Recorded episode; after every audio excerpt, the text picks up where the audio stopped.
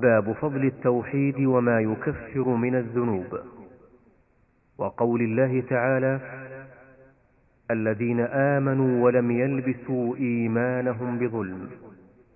الآية عن عبادة بن الصامت قال قال رسول الله صلى الله عليه وسلم من شهد أن لا إله إلا الله وحده لا شريك له وأن محمدا عبده ورسوله وأن عيسى عبد الله ورسوله وكلمته ألقاها إلى مريم وروح منه والجنة حق والنار حق أدخله الله الجنة على ما كان من العمل. أخرجاه. ولهما في حديث عتبان فإن الله حرم على النار من قال لا إله إلا الله يبتغي بذلك وجه الله. بسم الله الرحمن الرحيم. صل على محمد. يقول المؤلف رحمه الله باب بيان فضل التوحيد وما يكفر من الذنوب. هذا الباب أراد به المؤلف رحمه الله بيان شيء من فضل التوحيد وتكفيره للذنوب وأن التوحيد هو أعظم الحسنات.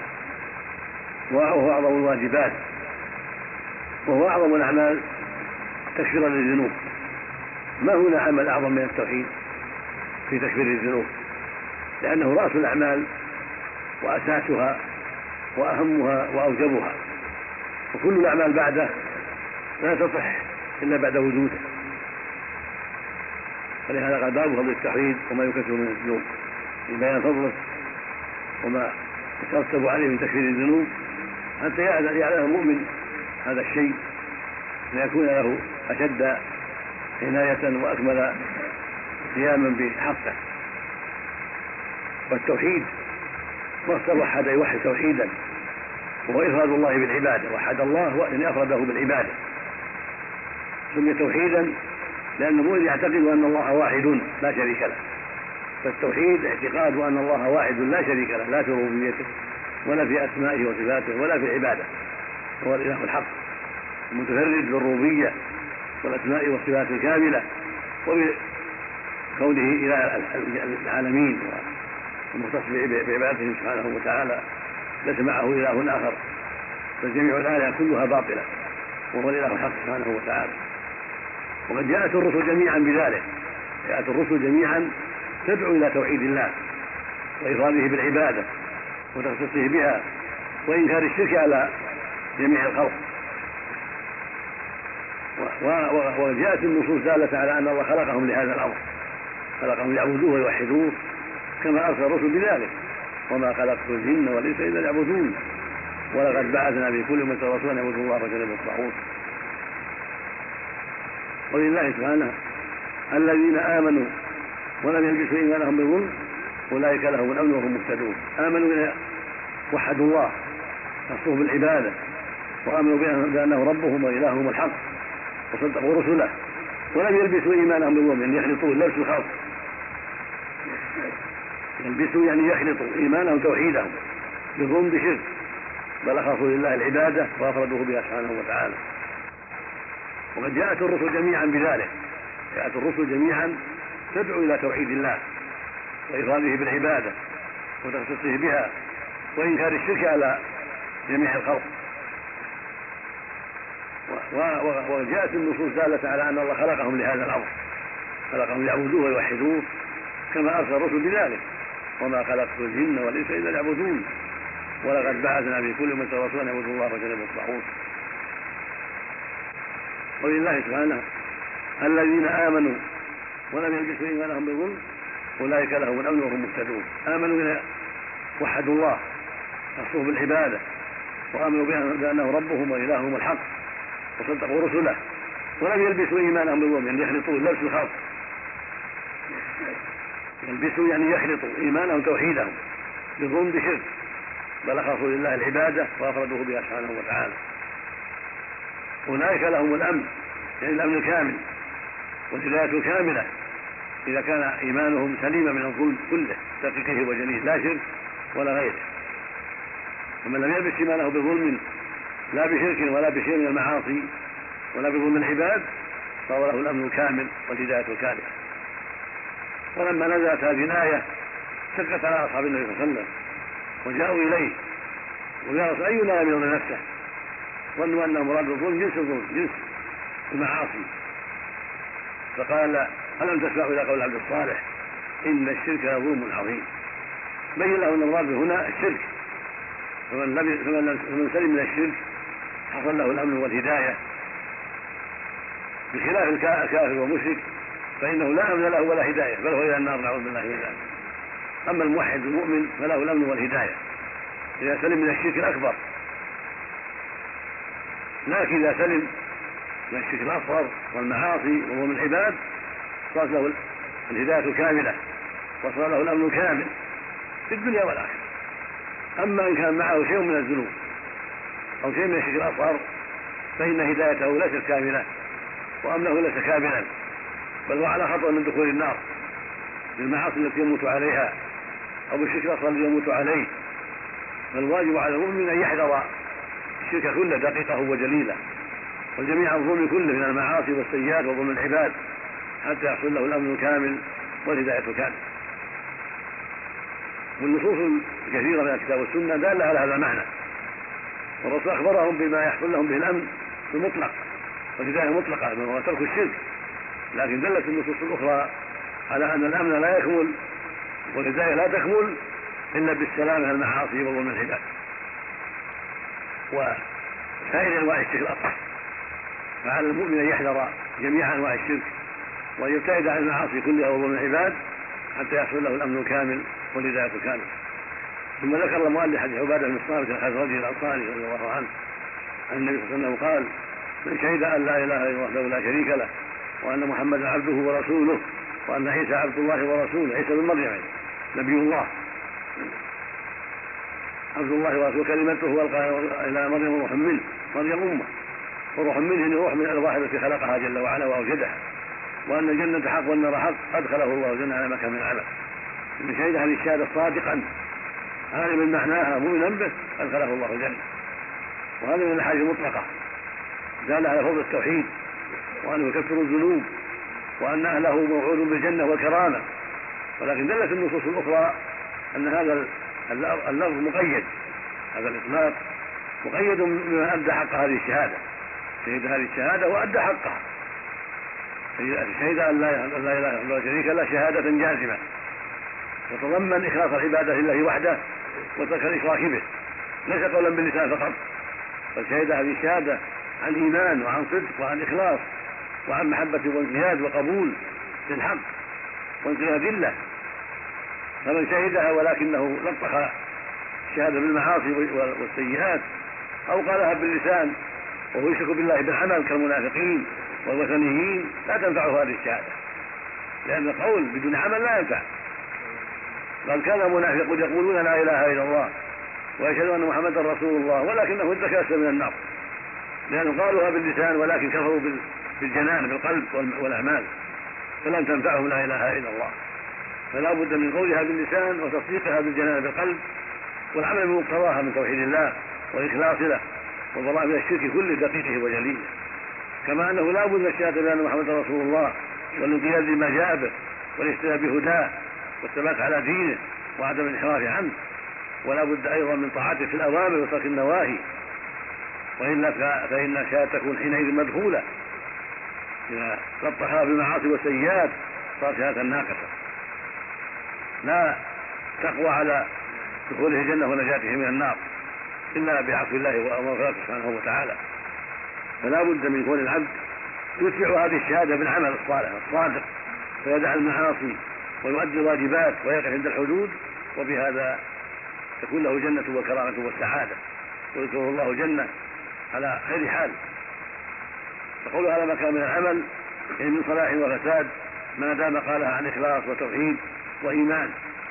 لكن هذا الدخول قد يكون مع أول الداخلين من أول وهلة إذا مات على توبة وصدق وعمل صالح وقد يكون بعد ذلك بعدما يبتلى به من عذاب وعقاب اذا مات على السيئات والمعاصي ولم يتب ولم يعفو الله عنه فإنه يدخل النار ويعذب فيها على قدر جرائمه ثم يكون مصيره إلى الجنة بعد ذلك بعد التطهير والتمحيص وإخراجه من النار.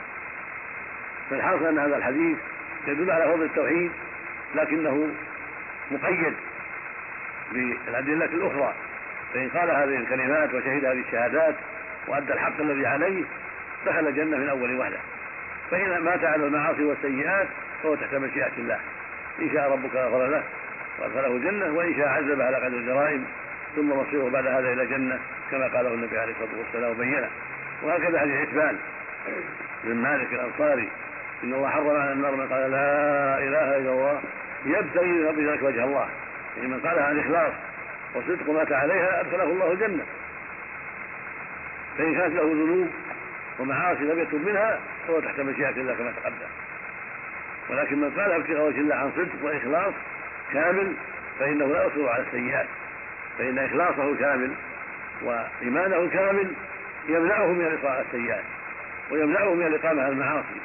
فحينئذ يدخل الجنة على أول وهلة بسبب إيمانه الصادق وتقواه لله وقيامه بحق.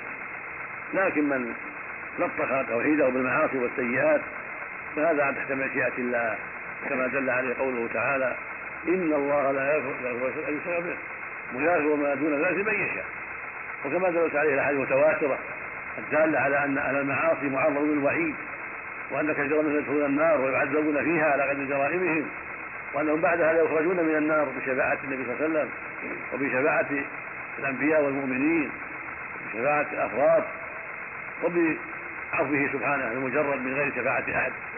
هذا جاءت به النصوص ودلت عليه الأحاديث المتواترة وأن أهل المعاصي معرض للوعيد لم يحصل له الامن الكامل ولا الهدايه الكامله بسبب ما تلطخوا به من المعاصي والسيئات التي أضعفوا بها توحيدهم وأضعفوا بها إيمانهم وصاروا بذلك معرضين لوعيد الله بدخول النار.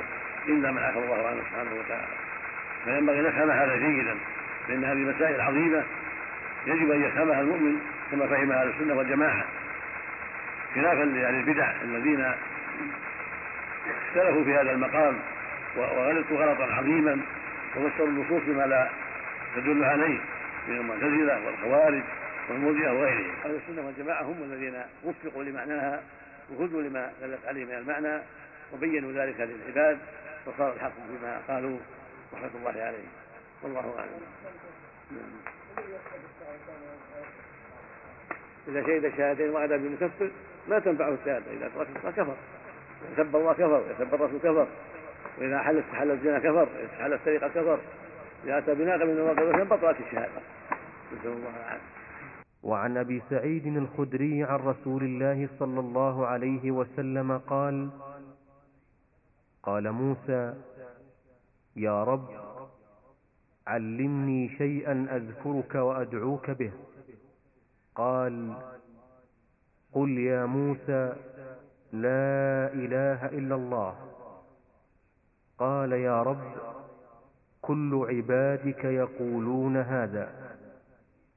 قال يا موسى لو أن السماوات السبع وعامرهن غيري والأرضين السبع في كفة ولا إله إلا الله في كفة. مالت بهن لا إله إلا الله. رواه ابن حبان والحاكم وصححه. وللترمذي وحسنه عن أنس سمعت رسول الله صلى الله عليه وسلم يقول قال الله تعالى يا ابن آدم لو أتيتني بقراب الأرض خطايا. ثم لقيتني لا تشرك بي شيئا لأتيتك بقرابها مغفرة. بسم الله الرحمن الرحيم اللهم صل على محمد هذا الحديث ابي سعيد وحديث أنس. كلاهما في بيان فضل لا إله إلا الله وأنها أفضل الكلام وأن من مات عليها صادقا مخلصا رجحت بسيئاته كلها وغفر الله له ما معه من الخطيئات إذا حقق ذلك. أبي سعيد وسعد بن مالك بن سنان الخدري صحابي جليل من الأنصار رضي الله عنهم وأرضاهم. عن النبي صلى الله عليه وسلم أنه قال قال قال موسى يا ربي موسى بن عمران كريم الرحمن أحد أنبياء بني إسرائيل. قال موسى يا رب علمني كلمة أذكرك وأدعوك بها. فقال قل يا موسى لا إله إلا الله. قال موسى يا رب كل عبادك يقول هذا يقولون هذا. فقال يا موسى لو السماوات السبع وعمرهن غيري والأرضين السبع وعمرهن غيري في كفة ولا إله إلا الله في كفة ملت بهن لا إله إلا الله. هذا الحديث يدل على فضل هذه الكلمة العظيمة. وأن وأنها ذكر ودعاء لأن موسى قال يا رب علمني شيئا أذكرك وأدعوك به فدل ذلك على أنها ذكر ودعاء فهي ذكر لله بالشهادة له بالوحدانية وأنه لله الحق وهي دعاء لأن قائلها يرجو ثوابها يريد من من قولها ثوابها ويطلب ثوابها في المعنى فهي ذكر ودعاء وهكذا جميع الأذكار. كلها ذكر ودعاء. سبحان الله والحمد لله ولا إله إلا الله والله أكبر. سبحان الله وبحمده سبحان الله العظيم لا حول ولا قوة إلا بالله. كلها ذكر ودعاء يذكر الله بها عز وجل تعظيما له سبحانه وتعالى وتنويها بذكره جل وعلا وصاحبها أيضا يريد الثواب ويطلب الثواب ويدعو بالثواب في المعنى. وفي هذا دلالة على أن هذه الكلمة لها شأن عظيم وأن تجمع بين الأمرين الذكر والدعاء وأن قد يخفى بعض فضلها على بعض الأنبياء. ولهذا قال موسى يا رب كل عبادي يقولون هذا وإنما أراد شيئا يخصه بك يخصه بك ما في رواية أخرى وإنما أردت أن تخصني به. فقال قل يا موسى لا إله إلا الله. وبين له بعض معناها وبين له فضلها وعظمتها. فهي تحقق العبادة لله وحده وتثبتها لله وحده وتنفيها عما سوى الله عز وجل. فلهذا صارت أفضل الكلام وأصدق الكلام. لا إله إلا الله أي لا معبود حق إلا الله. فجميع الآلهة المعبودة من دون الله كلها باطلة. ولله الحق والله وحده سبحانه وتعالى. ولهذا قال لو أن السماوات قال له معظما مبين لعظمتها وشأنها. لو أن السماوات السبع وعمرهن غيري إن نفسه لأنه العظيم الذي لا أعظم سبحانه وتعالى. وهو فوق العرش. وبه قامت السماوات. وبه عمرت السماوات. وهو الذي أمسكها أمسكها. وهو الذي أقامها سبحانه وتعالى. وهو الذي أقام العرش وأقام الكرسي وأقام السماوات. وبه قامت هذه المخلوقات سبحانه وتعالى. كما قال عز وجل ومن آياته أن تقوم السماء والأرض بأمره. فلولا أنه أمسكها لا لسقطت ولهذا في الآية الأخرى يقول سبحانه إن الله يمسك السماوات والأرض أن تزولا. ولا إن زالتا إن أمسكهما من أحد بعده. يعني ما أمسكهما من أحد بعده. إن نافية قال جل وعلا ومن آياته أن تقوم السماء والأرض بأمره. هو القائم عليها والمقيم لها جل وعلا. والأرض السبع كذلك. في كفة في كفة الميزان ولا إله إلا في كفة أخرى. مالت بهن لا إله إلا الله. فالميزان له كفتان فلو وضعت السماوات والأرض والمخلوقات كلها في كفة ولا إله إلا الله في كفة مالت بهن لا إله إلا الله. العبرة بالمعنى. وليس الاعتبار بالأجرام. هذه الأجرام وإن كانت عظيمة واسعة لكن بالنظر إلى المعاني والحقائق فكلمة التوحيد ترجح بها من حيث المعنى. من حيث أنها اشتملت على أعظم معنى وأكبر معنى وأهم معنى وأصدق معنى وهو أنه سبحانه الواحد الأحد الذي لا شريك له جل وعلا. فأصحابها ترجح موازينهم على غيرهم. متى صدقوا فيها وكملوها وأدوا حقها فإنها ترجح بجميع ما لديهم من سيئات. ولهذا في حديث أنس الذي ذكره ثم لقيتني لا تشرك بشيئا. لا لا تشرك بقرابها مغفرة. ف فكلمة التوحيد لا يعادلها شيء. في حق من صدق فيها وأدى حقها. وأصل وأصل الحديث يقول أنس رضي الله عنه النبي صلى قال لو أنس حديث أنس رضي الله عنه عن النبي صلى الله عليه وسلم يدل على أن أن الخطايا كلها في مقابل حقيقة التوحيد كلها مرجوحة. لو أتيتني بقراب الخطايا ثم لقيتني. لا تشرك بشيء لا أتيك بقرابها مغفرة قد جاء هذا المعنى أيضا في الصحيح من حديث أبي ذر أن العبد لو أتى الله بكل خطيئة ثم لقيه بالتوحيد لا يشرك بالله شيئا لا رجح بذلك وقابلها بقراب بقابل تلك الخطايا بقرابها مغفرة. والقراب بالظن يعني ما يقال ما يملأ الأرض أو يقارب ملأها. فالمعنى أن جميع الخطايا وجميع السيئات في مقابل هذه الكلمة العظيمة كلها مرجوحة كما أنها ترجح بهذه المخلوقات العظام هكذا ترجح بجميع السيئات. وهذا عند أهل العلم يفسر بأحد وجهين. أحدهما أن هذا في حق من قالها صادقا مخلصا لا لم يصر على سيئة أصلا بل أتى بها خالصة قد قد كملها وأدى حقها وليس معه سيئة أصلا بل قد جردها وأحكمها حتى صار مؤديا لجميع الواجبات تاركا لجميع السيئات مستقيما على شرع الله عز وجل في أي في أي شريعة وفي أي وقت وفي أي زمان فهذا له جنة وكرامة. لأنه لم يأتي بسيئة تمنع ذلك أو تقدح في ذلك المعنى الثاني أن هذا في حق من قالها وأتى إلى الله تائبا من خطاياه سيئاته غير مصن على سيئة فقد تاب وأقلع. فخطاياه كلها مرجوحة وكلها ساقطة بسبب إخلاصه في هذه الكلمة الذي تضمن توبته من جميع الذنوب وإقلاعه من جميع الذنوب. وهذا المعنى لا بد منه لأن النصوص الأخرى من الآيات والأحاديث دلت على أن أهل المعاصي على خطر وأنهم متوعدون بالنار وأنهم تحت مشيئة الله.